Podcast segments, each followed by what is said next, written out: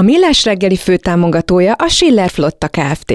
Schiller Flotta is rendtakár. A mobilitási megoldások szakértője a Schiller Autó tagja. Autók szeretettel. Jó reggelt kívánunk, drága hallgató közönségünk! Képzeljétek el, hogy 8 óra 8 perc van. Véletlen? Döbbenet, nem? Alig 808. Igen. A dátum 0928. Hoppá! 88 16. Nem kellett volna ezt. Osztható Nem négyel. ezt beszéltük. Apám, nagy Ez jelentőségű nap ez a mai. Mindegy. Ez a Millás reggel itt a Rádió Café 98.0 Gede Balázsral, És Mihálovics Andrással. meg a hallgatókkal 0636-os 980 980 SMS, WhatsApp és Viber számunk is ez. Kántor Endrének is van kutyusa, érdeklődik a hallgató, és el- őt is Kántornak hívják, mármint a kutyát. teljesen elrontotta a bandi. Igen, ifjabb Kántor Hát, Endre, de így komolyan, hívják hát a tökre kutyáját. kántornak kellett volna hívni a kutyáját. Igen, de ehelyett apacsnak hívják a kutyáját. az se rossz, de a kántor jobb lett volna. Igen, aztán értem, a felhasználót veszik célba, menje ott, ott, ne, ne ugrálj, de miért van fenn egy csomó adat, ha belépek, például anyja neve? Én Ez tudom, de ha azonosítás kell, akkor az, az is tudja, aki bejutott. Ez a kincstári számla, ugye? Igen, meg, meg egy csomó minden. Meg egy hallgató kérdező, hogy ha ennyi telefonos csalás van, miért nem foglalkozik vele a rendőrség, miért nem tiltanak le számokat? Azért, mert ezt egy programmal generálják És ezt egy ezeket a másik számokat. hallgató meg is írta, hogy ő Tényleg? elment odáig, igen, Aha. hogy fog, hú, de jó, kiírta a számot, majd ő jól följelenti, azt, hogy körbe rögték a rendőrségen. És pikpak ö, lezárták le a az feljelentést. ügyet. Az oké, hogy generálja, de az nem csak egy maszk, tehát a kiírás. Tehát, hogyha én a szolgáltató nem tudja azt megtúrni, hogy melyik toronynál milyen valós szám jelentkezett ennyit be. belefetszölsz egy Hát, hát, bocs. dologba. Szerintem egyébként belefetszölnek, mert hogy, hogy kellő számú ilyen visszaélés kapcsán azért csak lép a rendőrség. Én bízom benne törvénytisztelő és követő állampolgárként, hogy a fiúk a bányában dolgoznak azért ezeken a problémákon. Meg megjelentek azok a hallgatók, hogy miért edukációt mondunk, miért nem ügyféloktatást, miért evangelistáról beszélünk, miért nem Várja, az a legjobb. hittérítőről. Uh, hú, az hol volt vajon? Mert uh, olyan jó hosszan írta le az evangelizációt, hogy azért. Mert Igen. ugye ez egy szó, az pedig, az pedig volt egy ilyen egy sor legalább a magyarázatban, az üzenetben. Szóval persze azért próbáljuk kerülni ezeket az idegen szavakat, de van, amikor egyszerűbb és kifejezőbb azok És most, és most magyar ö, néven nevezzünk egy problémát, postafiók cég. Na, az mi? Na, hogy az mi, meg gáze, vagy nem gáz, hogy van ilyen, meglátjuk. Figyelem! A nemzetközi helyzet egyre fokozódik. Ne közlekedj üzleti szemellenzővel a nagyvilágban. Aki naprakész és szemfüles, az megtalálhatja a lehetőségeket nemzetközi környezetben is. Cégstruktúrák, adótervezés, adóegyezmények és vagyonvédelem. Ebben segít a Nemzetközi Vagyontervezésről kristálytisztán a Millás reggeli pénzügyi panoráma rovata. Azt, Valami azt bibi, hiszem, csak van, van. egy jó hírünk. Na. Azért mondom, hogy azt hiszem, mert ez majd ki kell deríteni, mi a postafiók cég. 2023 elején az Európai Parlament jóváhagyta az Európai Bizottság irányelv tervezetét, amely megakadályozza a postafiók cégekkel való visszaélést. Ez gyaníthatóan jó hír, mert benne van, hogy megakadályozza a visszaélést. Tehát akkor az a postafiók cég az nem is annyira jó dolog? Hát, vagy eddig legalábbis komoly visszaélésekre adott ö, okot az, hogyha valaki ilyet tudott üzemeltetni, vagy bejegyezni, de hogy mit, De mi most most legyünk-e postafiók cég, vagy ne? Figyelj, Uh, úgyhogy megkérdezzünk egy szakértőt, tényleg, mert ezt így nem, nem lehet így sötétben tapogatózni korunk Magyarországán. Ez ügyben dr. Magyar Csaba okleveres adószakértő, a Crystal Worldwide ZRT vezérigazgatója, majd világosságot gyújt a mi koponyánkban. Szervusz, jó reggelt! Szia, jó reggelt! Jó reggelt, sziasztok! Alapozzunk egy kicsit, és Igen. definiáljuk Mi ezt a az a postafiók céget. postafiók cég? Ez a postafiók cég az Európai Unió harmadik adóelkerülési csomagjának lesz a része, amely egy irányelvben ö, tölt majd, ölt majd testet. Az irányelvben egyébként a Shell Company kifejezést használják, feltetően itt a Ghost in the Shell című animén felbozdulva, és ugye ezt, ha nagyon tükörfordításba akarjuk kezelni, akkor hé vagy burok cégre lehetne uh-huh. lefordítani, de hát magyarosan ezt egy kicsit ilyen, ha kriminalizáljuk, akkor fedőcégnek nevezhetnénk, vagy egyébként úgy igazán magyarosan ezt postafiók cégeknek szoktuk nevezni, Egyébként kíváncsi leszek majd az irányelv végső magyar fordítására, mert már találkoztam a kagyló cég kifejezéssel. Ó, de szép, de szép. Kicsit olyan, mint a wellness szállodában a városi legenda Igen. szerint, amikor az egyszeri pincér a külföldieket Swedish Table felütéssel invitálta a büféasztalhoz, úgyhogy bízom benne, hogy nem a kagyló cég győzedelmeskedik ebben Reméljük a küzdelemben. legjobbakat. Igen. Ez mi ez? Mi ez a, ez a mi a kagyló cég, postafiók meg cég? postafiók, maradjunk a postafiók cégnél persze. Így van. Ezek olyan passzív vállalkozások, amelyek EU tagállamban vannak bejegyezve, de nem folytatnak aktív gazdasági tevékenységet, és nincsenek minimális működési feltételeik sem. De azért ennél pontosabban definiálták az irányelv tervezetben, ugyanis három szempontot kell vizsgálni. Az egyik nagyon fontos szempont az a bevételekhez kapcsolódik. Ha ennek a cégnek a bevételeinek a kétharmada jogdíjakból, osztalékból vagy ingatlan vagyomból származik, sőt ide tartozik még a nagyértékű gépek berendezésének a bérlete is. Tehát, hogyha ilyen típusú passzív jövedelmeket ér el a cég, akkor már ö, ebbe a feltételbe beletartozhat. Figyelj, a másik de- fontos elem, De bocsáss meg, Igen. egyébként van ennek bármi értelme? Miért nem tiltják be az egész cégformát? Tehát, hogy, hogy van Mi- ennek bármi plusz, vagy reális, miért reális magyarázata annak, hogy ilyet létrehoznak emberek, ami nem adóelkerülés szolgál, hanem valós oka, valós gazdasági oka, valós pénzügyi oka, hogyha valaki létrehoz egy ilyen postafiók céget? Önmagában az Európai Unióban úgy gondolják, hogy mindenki olyan céget hoz létre, amilyet akar, akár postafiók céget is, de ha nincsen minimális működési tartalom benne, akkor abban az esetben bizonyos adóelőnyöket viszont ne élvezzen ez a társaság. Tehát ez a koncepciónak a Aha. lényege, hogy csinálhatsz te ilyen céget, meg lehet ez egy üres cég, kagyló cég, bármilyen cég, meg lehet benne mindenféle passzív jövedelem, de bizonyos adóelőnyöket nem lehet kihasználni ebben a felállásban. Igen, tehát ott tartottunk, Tehát mikor a- közbevágtunk, hogy van ö, több szintje ennek, hogy ö, hogy, ö, hogy működnek. Ugye Igen, ez nem a... tudtátok összezavarni, Igen. úgyhogy folytatom. Ugyanonnan ugye az egyik szempont volt, hogy milyen bevétele van a cégnek, ugye a passzív bevételek, ami fontos elem. A másik pedig az, hogy határon átnyúló a tevékenység, tehát az azt jelenti, hogy ezeknek a passzív bevételeinek a többsége határon átnyúló ügyletekből származik. Tehát, hogyha van egy magyar postafiók cég, és az jogdíjakat kap, akkor nem belföldön kapja a jogdíjakat, hanem kapja mondjuk Egyesült Államokból, Grönlandról, vagy éppen Csilléből. A másik szempont pedig az, hogy a cégnek az adminisztrációját is kiszervezték, tehát ez azt jelenti, hogy mondjuk egy székhely szolgáltatónál van, vagy éppenséggel az alkalmazottai sincsenek, mert éppen ezt a tevékenységet is ki tudja szervezni a társaság, és éppen ezért egyfajta üres cégként funkcionált. Miért zavar- a három feltételnek. Igen, Igen, bocsánat, fejezd be, nem akarnék közbevágni.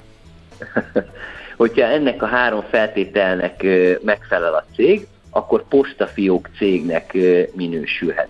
És hogyha ezt az irányelvet elfogadják és implementálják a tagállamok, akkor majd többlet adatot kérnek az adózóktól az adóbevallásokban, hogy meg tudják állapítani az adóhatóság, hogy ez postafiók cég, vagy nem minősül postafiók cégnek. No, ha meg akarjuk úszni ezt az egészet, hogy postafiók cégnek minősítsenek, akkor ezeket az ismérveket kell teljesíteni? Tehát akkor ne szervezzük ki az adminisztrációt, a határokon átnyúló jövedelmeken belül, a határokon belül is szerezzünk jövedelmet, meg néha legyen ott saját alkalmazottunk például? Tehát ezekkel meg lehet ezt úszni?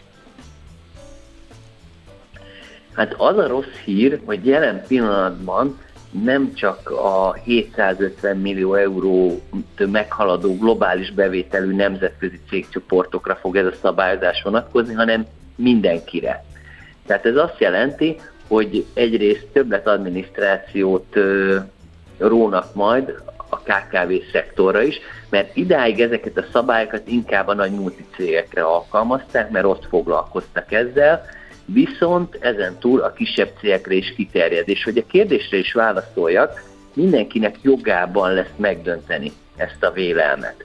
Például vannak kivételek is, hogyha ugye csak belföldi jövedelme van egy ilyen társaságnak, és egyébként a tulajdonosa is belföldi, tehát nulla nemzetközi elem van, akkor ez nem fog ebbe a kategóriába beletartozni. Vagy például tőzsdéjegyzett cégek, vagy szabályozott pénzügyi társágok is mentesülnek majd, de hát azért az a helyzet, hogy a KKV szektor majd szépen szolgáltatja az adatokat, egy multicég meg fel tud venni néhány alkalmazottat, irodát bérelni, ez tulajdonképpen náluk csak kerekítési különbözet lesz, és innentől fogva nem gondolom azt, hogy túl sok célt ért ez a szabályozás. Uh-huh. Ugyanakkor egyébként meg lehet dönteni ezt a vélelmet, hogyha valaki mégis belecsúszik ebbe a kategóriába, be lehet bizonyítani, hogy ennek a létezésnek kereskedelmi okai vannak, és ezt nem használják fel adózási ö, célokra.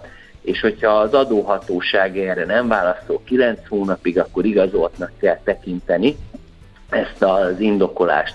Ugye itt a mediterrán adóhatóságok Európában előnyben lesznek, úgyhogy szerintem nem egy, nem két esetben nem reagálnak majd, és akkor mégsem minősül postafiók cégnek ez a vállalkozás, hiszen azért ne felejtsük el, hogy azok a klasszikus adótervezési helyszínek Európán belül, akár mondjuk egy Ciprus, Máltát, Hollandiát, Luxemburgot, de akár Magyarországot is érthetjük, vagy éppen Írországot, ők abban érdekeltek, hogy azok a külföldi befektetők, akik ellen szól ez az irányelv, ők nagyon jól érezzék magukat náluk, és nem szeretnék őket sanyargatni. Tehát lehet, hogy van egy szabály, amit elfogadnak, csak hát az alkalmazásnak a hatékonysága eltérő lesz tagállamonként. Figyelj, uh, mi van akkor, hogyha a postafiók cégnek minősül egy vállalkozás? Tehát azt mondják, hogy igen, lehet, hogy próbálkoztál, lehet, hogy nem, de, de mi a bünti? Igen, igen. Így van, pontosan. Hogyha nem sikerül megdönteni azt a vélelmet, hogy egy társaság postafiók cégnek minősül, akkor ez a vállalkozás nem kap adóügyi illetőség igazolást attól az államtól, ahol be van jegyezve. Ennek azért van jelentősége, mert hogyha én adóegyezményekhez szeretnék hozzáférni, akkor általában adóügyi igazolással igazolom, hogy én abban az államban adózónak minősülök, és ezáltal vonatkozik rám egy adóegyezmény. Viszont ha postafiók cégnek minősülök, és kérek egy ilyen igazolást, akkor két leágazás van. Az egyik az, hogy beleírják az igazolásba, hogy ez bizony egy postafiók cég, és akkor eldönti majd a másik ország, hogy alkalmazható-e rá ez a, az adóegyezmény vagy sem. A B verzió meg, hogy egyáltalán nem is kap ilyen igazolást, és abban az esetben, hogyha másik országból kap jövedelmet, akkor nem tudja alkalmazni az adóegyezményt. De mondok egy példát, hogy ez egy kicsit tisztább legyen. Tehát, hogyha mondjuk egy magyar postafiók cégnek van Lengyelországban egy leányvállalata, és a lengyel-magyar adóegyezményt szeretnénk alkalmazni, mert a két cég között, az anya és a leányvállalat között mondjuk osztalékkifizetés történik, vagy valamilyen kölcsönügylet arra kamatot fizetnek, vagy éppen jogdíj fizetése történik, akkor Lengyelországban nem fognak erre a kifizetésre forrásadót alkalmazni Magyarország irányába. Mivel van egy adóilletőségazolása a cégnek, és ezáltal nem vonják le ezeket az adókat Lengyelországban. Uh-huh. De ha nem tud ilyen igazolást szerezni, vagy éppen kap igazolást, de beleírják, hogy postafiók cég, akkor a lengyelek mondhatják azt, hogy hm, hát itt a magyar-lengyel adóegyezmény alkalmazásának nincsen helye, hiszen ez nem is igazi magyar adózónak minősül a cég, éppen ezért alkalmazhatjuk a forrásat. Világos. Mi van akkor, ha a Millás reggeli Kft-nek van egy Vanuatu postafiók cége? Az ellen ez a uniós törekvés bármiféle védelmet vagy, vagy szankciót hozhat a jövőben? Ugye ez az Európai Uniós tagállamokra vonatkozik az irányelv, tehát ezek a szabályok akkor lépnek életbe, hogyha az Európai Unió területén van ez a postafiók cég, és ott az adóhatóság ezen szabályokra hivatkozása, ha majd egyszer elfogadják, akkor ö, megállíthatja az adóilletőség igazolását, vagy ö, azt mondja, hogy azt írom az igazolásba, hogy ez egy postafiók cég.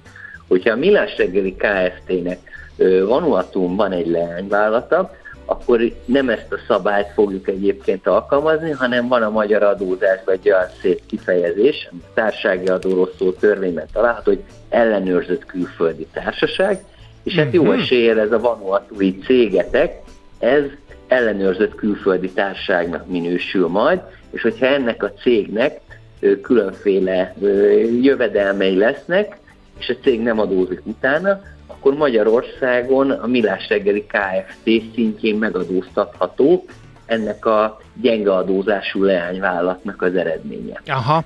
De ez egy teljesen más szabályozás. És ez természetesen, teljesen ez egy fikció, tehát csak érdekelt, hogy az uniós szabályozás bármiféle változást hozhat-e az egyébként inkább adóparadicsomnak tartott ö, országokkal kapcsolatban, de ezek és szerint... És az... hogy a millás reggeli igen, Kft. nehogy a Igen, igen nehogy véletlenül. Na de mi a baja az Európai Uniónak ezzel, ezekkel a postafiók cégekkel? Adó elkerülésre használják őket általában? Tehát van egy statisztikájuk, amik azt mutatta, hogy nem árt itt közbelépni, mert gondok vannak? Igen, ez a fő motiváció, ugyanis arra jutottak rá, hogy bármi meglepő is, de adózási célokra létre szoktak ilyen cégeket hozni, és ezt agresszív adótervezésre, adókiátszásra is fel tudják használni. A, ugye a lengyel-magyar példát e, említettem, elképzelhető mondjuk egy lengyel vállalkozó e, Magyarország irányába egy magyar cég közbeiktatásával szeretné kiszipkázni a lengyelországi osztalékot. És Igen, hiszen ugye... A magyar cég még továbbítja. Hiszen ugye Magyarország Egy adóparadicsom külföldről nézve, bármennyire, és erről már sokszor beszéltünk veled is, hogy bármennyire is uh, mi így belülről hát nem így érezzük, de persze, kívülről nézve rendkívül. társasági Igen. adó, ugye az egy nagyon vonzó valami. Tehát, hogy ez egy valid példa, hogy a lengyelek esetleg Sőt, innen. Igen. Sőt, Magyarországon a kapott osztalék az adómentesnek minősül, társági adó alapcsökkentő tétel, tehát ebből a szempontból is érdekes Magyarország, sőt a leányvállalat elidegenítésén elért nyereség is ugyanígy adó alapcsökkentő oh. tétel, uh-huh. és ugyanilyen szabályok vannak például Cipruson, Máltán, Luxemburgban vagy Hollandiában, tehát ebből a szempontból kijelenthető, hogy Magyarország külföldieknek egy jó holding helyszínnek minősül, és hát ugye ez is egy érdekes kérdés, hogy az Európai Unióban, hogyha adóverseny van, csak hát ugye az Európai Unió nem szeretné, hogyha adóverseny van, de mi a jobb, hogyha az a külföldi befektető inkább Magyarországra jön, és igaz, hogy túl sokat nem adózik, de azért mégiscsak követelik pénzt, vagy inkább úgy dönt, hogy mondjuk elmegy Mátára és ott hagyja a pénzét. Tehát nyilván Magyarországnak az a jobb, hogyha mondjuk ide jön ez a külföldi befektető, és így csinálja meg a holding cégét, és éppen ezért ugye az Európai Unió szeretné ezt egységesen szabályozni, hiszen ellenérdekűek a tagállamok ebben a történetben. Ez egy más kérdés, hogy a szabályok szintjén majd ezt próbálják összehangolni, meg egységesen alkalmazni, csak nem mindegyik tagállam lesz ugyanannyira érdekelt ezeknek a szabályoknak a betartatásában. Figyelj, az is egy érdekes kérdés lehet, hogy hogy szakemberként hogy látod, ez a metódus, amit kitaláltak a, a, a postafiók cégek ellen, ez hatásos lehet, ha bevezetik? Az a helyzet, hogyha valaki az adókiátszásban jártas, akkor abban az esetben nem lesz szerintem probléma az sem, hogy ezeknek a szabályoknak megfeleljen valaki, tehát mondjuk ezeket a szabályokat is ki tudja játszani. Ahogy említettem példaként, mondjuk egy multicég esetében nem egy nagy fáradtság abban az országban felvenni két alkalmazottat, meg bérelni egy irodát, és azt mondja, hogy akkor nekem itt van valós gazdasági tartalmam, és az ország, amiben működik, ő pedig úgy fog gondolni rá, már mint az ország, hogy hát tök jó, hogy itt van ez a gonosz adótervező, és itt fizet, ha más nem egy kis adót is, éppen ezért én se fogok keménykedni vele. Uh-huh. Tehát én úgy látom, hogy ez egy olyan rendelkezés, ami inkább az adminisztrációt fogja növelni, mint sem, hogy hatékonyan fel tud majd lépni az adótervezés ellen. Németországban például el tudom képzelni, hogy ez nagyon keményen kiszűrik majd, hogy akkor melyek a postafiók cégek, de ott ilyen típusú adótervezési célral részt postafiók cég nem sok van. Tehát ugye azokat az országokat kell majd figyelembe venni, ahol alkalmazzák ezeket a típusú cégeket, de hát azokban az országban nem véletlenül vannak ilyen cégek. Oké, mikortól várható ez a szabályozás? Ez legyen az utolsó kérdés. Hát tologatják ezt is. Volt már egy olyan elképzelés, hogy 2024. január 1-től indul ez a mechanizmus, de az EU tagállamok szintén nincsen konszenzus az irányelv néhány kulcsfontosságú rendelkezésével kapcsolatban, és továbbra is bizonytalan a kompromisszumos szöveg végleges változása, amit még nem is tettek közé, tehát amit mi most megbeszéltünk, az még alakulhat, de azért ez lesz a gerince a szabályozásnak. A legutolsó tervek szerint 2025. január 1-től indul ez a postafiók szabályozás. No, hát a igen. Azt is figyelembe kell venni, még bocsánat, annyi gondolat, hogy ugye az irányelv átültetésekor is még széttagolt alkalmazást lehet, hiszen lehet, hogy valaki később ülteti be, valaki hamarabb, tehát Igen. azért még itt is lesznek bőven anomáliák. No, hát köszönjük okay, szépen, köszi. mivel bearanyoztad a reggelünket a Swedish Table kifejezéssel, a hallgató visszadobja a lasztit, Saját fülemmel hallottam vendéglátostól a beauty card kifejezést. Lehet azzal is fizetni. Lehet. You, you can, can also pay with beauty card írja SM hallgató, úgyhogy uh, kimeríthetetlen a hazai vendéglátás. Remélem nem robbantottunk nagy bombát, és akkor innentől fogva az üzenőfalat a teli lesz. Bízunk benne, hogy itt igen. megállunk. számmal lehet még találni. Igen, igen, igen. igen. Az én kedvencem, azt én hallottam. Igen, mondjad. És, és bocsánat, és tudod, van ezeknek a verzió, a magyarra kombinált verziója, és például a Party Face arc. A, a, ja, party igen, face party arc, face igen. Arc, én, én igen, azt az hallottam, jó. szintén wellness szállodába már jó régen, de, de saját füllel, hogy go to the sauna, come back, és aztán pay. Úgyhogy ez Na. is volt. Na, ezt Jó. Köszönjük szépen. azt hiszem. Én is így érzem. Itt, itt a vége. Köszönjük, Köszönjük szépen. Szép, Szép napot. napot. Sziasztok. Dr. Magyar Csaba okleveles adószakértővel, a Crystal World ZRT vezérigazgatójával beszélgettünk a postafiók cégekről. Járj mindig egy lépéssel előrébb. Elemezzük együtt a határon átnyúló ügyleteket jogi és adózásügyi szemszögből. Emlékezz, ne tedd az összes tojást egyetlen kosárba. Ez a pénzügyi önvédelem tudománya. Nemzetközi vagyontervezésről kristálytisztán. Az egészségügy olyan hatalmas fejlődésen ment keresztül, hogy ma már jószerével egyetlen egészséges ember sem él a Földön. Millás reggeli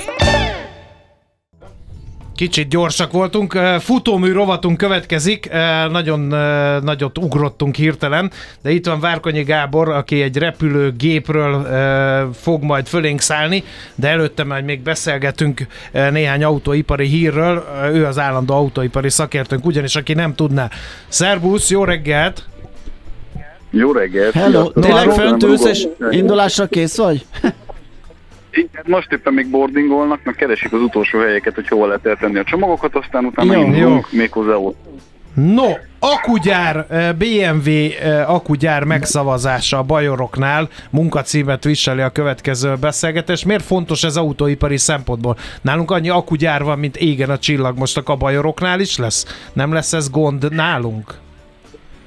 Na hát, mint égen a csillag, ugye azt azért egy kicsit árnyalnám, arról van szó, hogy Magyarországon nagyjából az európai akugyár kapacitásoknak a hetede, nyolcada van nagyjából, vagy lesz egész pontosan, mert ugye még a teljes rendszer nálunk sem épült ki, és Németországban is értelemszerűen rengeteg ilyen beruházás van, ott nagyjából egy ilyen 500-600 gigawattórányi akkumulátorgyártást terveznek, ami a magyarnak a 2-2 és félszerese nagyságrendileg és a BMW Magyarországban nem, nem túl messze az egyik üzemétől szeretett volna létesíteni egy ilyen gyárat, amely hát első körben ugye valami fajta társadalmi ellenállásba ütközött, és úgy tűnt, mintha ezt egyébként a helyiek nem szerették volna.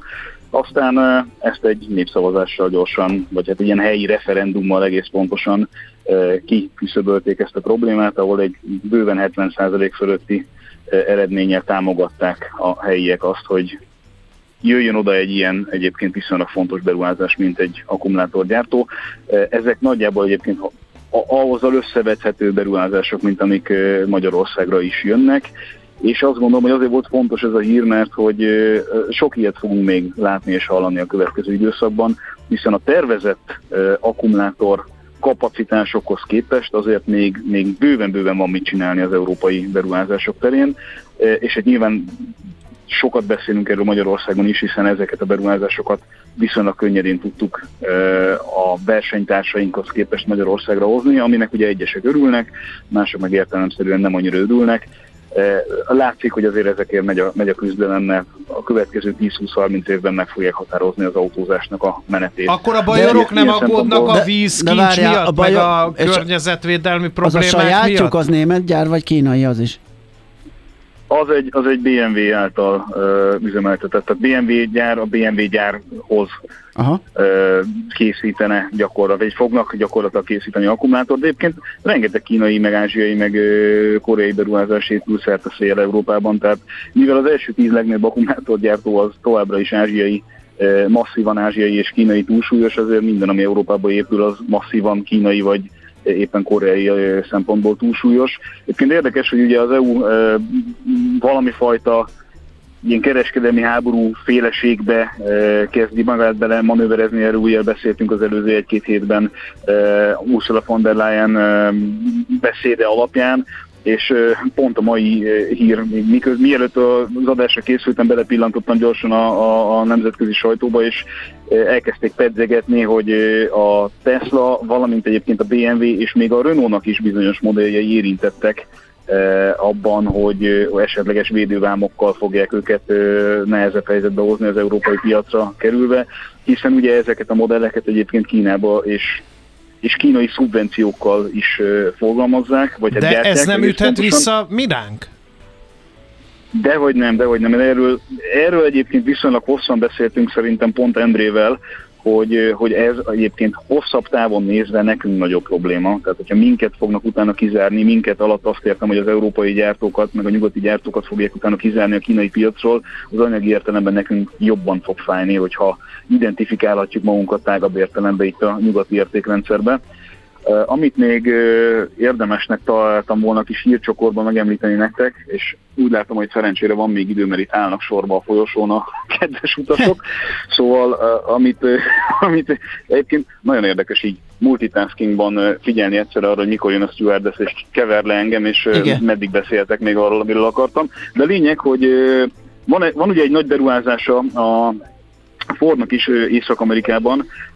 Itt megint egy kontextus adjak, az Inflation Reduction Act-ről beszéltünk szintén sokat az elmúlt hónapokban, ami ugye arról szól, hogy egy ilyen újraindustrializálódó e, ipart és azon belül is villanyautóipart is támogató akciócsomagot jelentett be és visz véghez az amerikai kormányzat, és ugye egy sok olyan beruházást is sikerült Észak-Amerikába csábítani, ami eredetileg egyébként Európába ment volna. Most ez a Ford gyár, ez nem ilyen, ezt eredendően is oda akarták helyezni, és kifejezetten akkumulátoros elektromos autógyártásról lenne szó, 3,5 milliárd dolláros beruházás, beruházási értékben, ami azért nem kicsi autóipari mértékhez nézve sem. De itt úgy tűnik, hogy elkezdett egymással skanderezni a Ford, a, a sztrájkok kapcsán is, meg a kormányzati bejelentések kapcsán is, ugyanis az amerikaiak is elkezdték azt pedzegetni, hogy azok az adó dollárok, amik ott befolynak, azok végső soron hova fognak elmenni. Tehát, hogy a, ha az akkumulátoros elektromos autókat támogatják, akkor a végén nem Kínát támogatják mégiscsak annak ellenére is, hogy bizonyos beruházások ugye Észak-Amerikába valósulnak meg, és hogy pontosan hogyan lehet majd azt szétszálazni, hogy egy ilyen nagyon bonyolult értékteremtő láncban mi az, ami idézőjelben körönbelül marad, és mi az, ami Kínába vándorol, hát ez ember legyen a tartalmak, ezt végig fogja tudni csinálni. Igen. Bizony. Úgyhogy ilyen és ehhez hasonló dolgok vannak, illetve még egy nagyon-nagyon fontos bejelentés, ez az elmúlt napoknak a terméke, illetve híre, hogy az Euró 7 az úgy tűnik, hogy mégsem fog jönni, legalábbis Na, ha hát jön, akkor is nagyon-nagyon hiszen azt mondtad korábban, Igen. hogy itt uh, írdatlan költségekbe kerül a fejlesztés, és nem fog akkora előrelépést hozni technológiailag sem, és környezetvédelmi szempontból sem, ami megérni ezt a fejlesztést. Én azt látom, hogy, hogy itt az egyik lábáról a másik lábára áll az európai politika. Méghozzá ugye van egy van egy vállalás, amiből nagyon nehéz hátraarcot ö, megvalósítani, ez ugye az elektromobilitás kizárólagossága 2035-től. Erről tényleg évek óta beszélgetünk. Azért ezt ezt megváltoztatni, vagy ebből visszakozni jelenlegi pillanatban szerintem politikailag is egy nagyon nehéz döntés lenne. Ugyanakkor minden, ami az ide vezető utat fényjelezné, az valami fajta felpúláson ment keresztül az elmúlt időszakban. És ez szerintem nem annyira a környezetvédelmi vagy, vagy gazdasági érdekeink jól felfogott, ö, ö, hogy mondjam, értelmezése szerint zajlik, hanem inkább amiatt, mert felke- fe- felkészülünk arra, hogy ez a blokkosodás mégiscsak létrejöjjön a világ ö, a világpolitikában és a világgazdaságban is, és hogyha blokkosodás létrejön, akkor nem fogjuk tudni megoldani ezeket a dolgokat Kína segítsége nélkül, tehát valami kiutat, vagy valami egérutat kell találni arra, hogyha ez nem fog tudni létrejönni. És ennek az egyik megoldása, vagy az egyik stációja, ha úgy tetszik, az, hogy az Euró 7 az mégsem fog jönni, aminek egyébként nagyon józan indokai vannak, tehát egyszerűen nincs nagyon értelme ennyi pénzt, ennyire kicsi hatás mellett ennyire rövid időre beruházni egy olyan technológiában, ami érdemi változást nem fog hozni levegőminőségben, mert már most Euro 6 ö, jelenlegi evolúciója mellett is eléggé tiszták a modern autók, ezt azért fontos hozzátenni, addig, amíg jól működnek, és jól vannak karbantartva, ezt is fontos hozzátenni, de az Euró 7 az lényegében azért azt jelentette volna, hogy még előrébb hozzuk a villanyra való átállást és a villanymodell palettának a, a kiszélesítését. Így azért nagyon sok autópiacon maradhat majd a következő időszakban is, és ez, ez egyfajta egy ilyen, egy ilyen, tényleg egy ilyen láb az ajtóban, ami, ami ránk akar záródni, és majd meglátjuk, hogy ez az ajtó tovább nyílik-e, és egy kicsit visszamegyünk a technológia semlegesség irányába, vagy folytatjuk ezt a dolgot. Ezt nem értem az Nagyon összefüggést. Nem értem az összefüggést. Hoppá, egy kicsit meg Kérdezem, magamat kétszer hallom. meg- Na, szóval, Igen. hogy az Euró 7 az hogyan függ össze a villanyosítással? Úgy, hogy az Euro 7 az gyakorlatilag az elé a dilemma elé állította az autógyártókat, hogy mikor, tehát hogyha bevezetik, akkor mikor vezessenek ők ki ezzel szemben olyan autókat, amelyeket már nem éri meg átállítani erre a normára. Aha. Az Euro 7 egy nagyon, nagyon erős investíciót igényel, és technikai értelemben sem könnyű megoldani. Olyan autók esetében, amelyeknek még lett volna két-három évük a piacon, mert mondjuk a termékéletciklusnak egy olyan pillanatában vannak, hogy, hogy még két-három évig futhattak volna, ezeket nagyon sok esetben a terv szerint hamarabb szüntették volna be, legalábbis Európai Unió piacán, mert egyszer nem érte volna meg őket már két-három évre átállítani a darabszámok meg a piaci ö, realitások mentén. Tehát valószínűleg tovább fognak velünk maradni olyan belső modellek, amelyeket lehet, hogy 2026, 27, 28 tájékán már kivezettek volna. Nem véletlenül van az, hogy nagyon sok nagyon sok gyártó ö, bejelentette egyébként azt, hogy 2027-28 28 pont ö, kivezette volna a teljes belső égésű palettáját. Jó, Nem tudom, hát, hogy értető ö, el. Jó, hogyne, hogyne, hogyne. No, jól van, akkor remélem, hogy jövő héten hosszabban el fogom tudni mondani nektek ezeket a dolgokat. Most jött ide, mivel olyan helyen ülünk, a stewardess, és meg kell hallgatnom a biztonsági előírásokat. Ja, mész kiáratos a helyed, mi? Oké. Okay. ne játszódjunk van, a mentő mellényen. Jó Az van. nagyon fontos. Szavasz, szavasz. Sziasztok, szép napot, köszönöm szépen. Márkos Gábor autóipari szakértővel beszélgettünk éppen felszállás előtt. Most leparkolunk, de jövő héten megint indexelünk és kanyarodunk, előzünk és tolatunk a Millás reggeli autós rovatában. Futómű. Élet négy keréken. Jé, hát ez meg micsoda? Csak nem. De, egy aranyköpés. Napi bölcsesség a Millás reggeliben. Hm, ezt elteszem magamnak. Réz Andrásnak a Vagyon ma a születésnapja, a jeles filmesztét a írói és előadói és szereplői munkássága előtt tisztelegően választotta a szerkesztő úr. egy ominózus gondolatot Réz Andrástól, mely így hangzik. Az irodalmat folyamatosan újra töltjük, azaz minden újraolvasásánál más képpel, tartalommal töltjük fel, és pont ez tartja életben a műveket. A film ezzel ellentétben mindig ugyanazt mutatja, nem bírjuk aktualizálni, éppen ezért avul el hirtelen mondta tehát Réz András. Mélyen egyetértek, a minap egy lomtalanításon kitéve láttam Golyko Mitics egyik örök becsüjét, a Tecumse című alkotást, amely egy indián főnökről szól. Na mondom, ezen szocializálódtam a Dózsa moziban, Dunóivárosban, és ez indított el egy bizonyos irányba, mondom, újra nézzük ezt a bizonyos alkotást.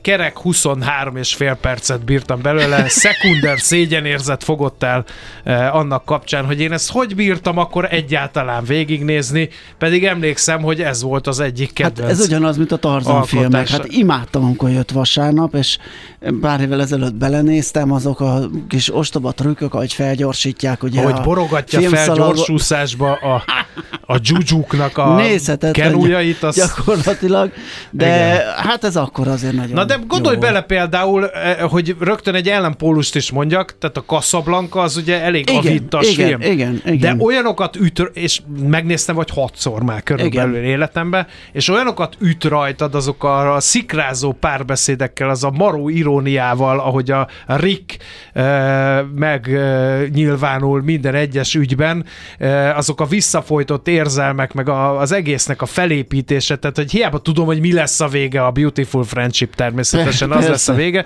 de valahogy mégis ilyen ott tart, izgalomban tart, nem tudom én micsoda, úgyhogy hát ezt hívják klasszikusnak, gondolom én. Na, menjünk tovább az aranyköpés után egy egészen más műsorelemre. No kérem szépen, akkor hát nem sokára, bár Czoller Andi nincs itt, de... Így nyerje meg az ötös lottót. Pontos Mi indítás módon? volt, ugye pontosan kezdtük az adást, és nem láttuk mérnök úrnak a bejegyzését, vagy dicséretét e tekintetben, hogy milyen jó fejek vagyunk, és ügyesek, hogy pontosan indítottunk, és mondom, persze, biztos szunyóká. Mit ad Isten, fél kilenckor ír nekünk. Jó reggelt, srácok, kicsit később kapcsoltam a műsor folyamba, de hát a horvát tengerparton ilyenkor jól lehet aludni, írja a mérnök. Szép dolog. Köszi. Nagyon köszönöm, hogy ezekben a nehéz időkben a horvát GDP-t termeljük, nem a magyart. Öm, mindegy, öm, meg lesz ennek a következménye. Ne tessék nyavajogni, hogy Bulgária is le fog bennünket hagyni. Nincsen rózsa tövis nélkül. Ennyit tudunk üzenni a mérnöknek. A házitról meg jobb lenne, ha inkább ő ö, pihenne a horvát tengerparton, mert azoknak az üzeneteknek, melyeket ő küldött, sok tetejük nincsen. Szolerandi az úgy lefáradt valamitől, bár tudnám, hogy az én dumántom, vagy a hallgatóéktól, az... Mm, könyvelővel való beszélgetés után az ember ja, érzi túl jól magát. lenni azért, igen. Hogy miről? Igen, könyvelővel. ja, én közben találtam egy régi filmet a Casablanca után, ami nézhető a Mocskos arcú angyalok című, kérlek szépen, 38 Mi van?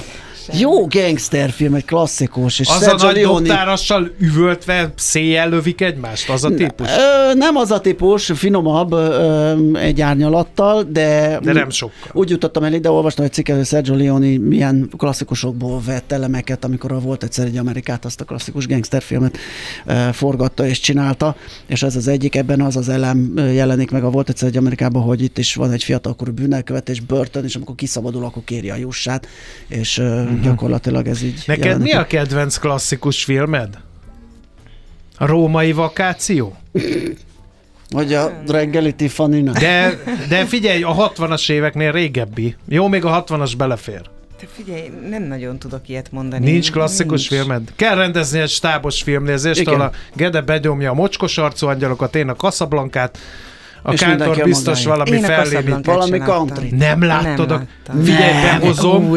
De behozom. Hát meg, hogy milyen egy igazi férfi. Tényleg, meg egy igazi film. Oké, oké, oké. Tényleg nem? Hát írj be egy fekete pontot. Tényleg. Hát behozza, megnézed? Persze, itt hát mögét vetítjük, és akkor amíg megy az adás, az mikor van a probléma. Nem, mert akkor ráébredne egy félelmetes a hasonlóság Humphrey Bogart és köztem. Ajaj. Na, most jönnek a hírek. Ja.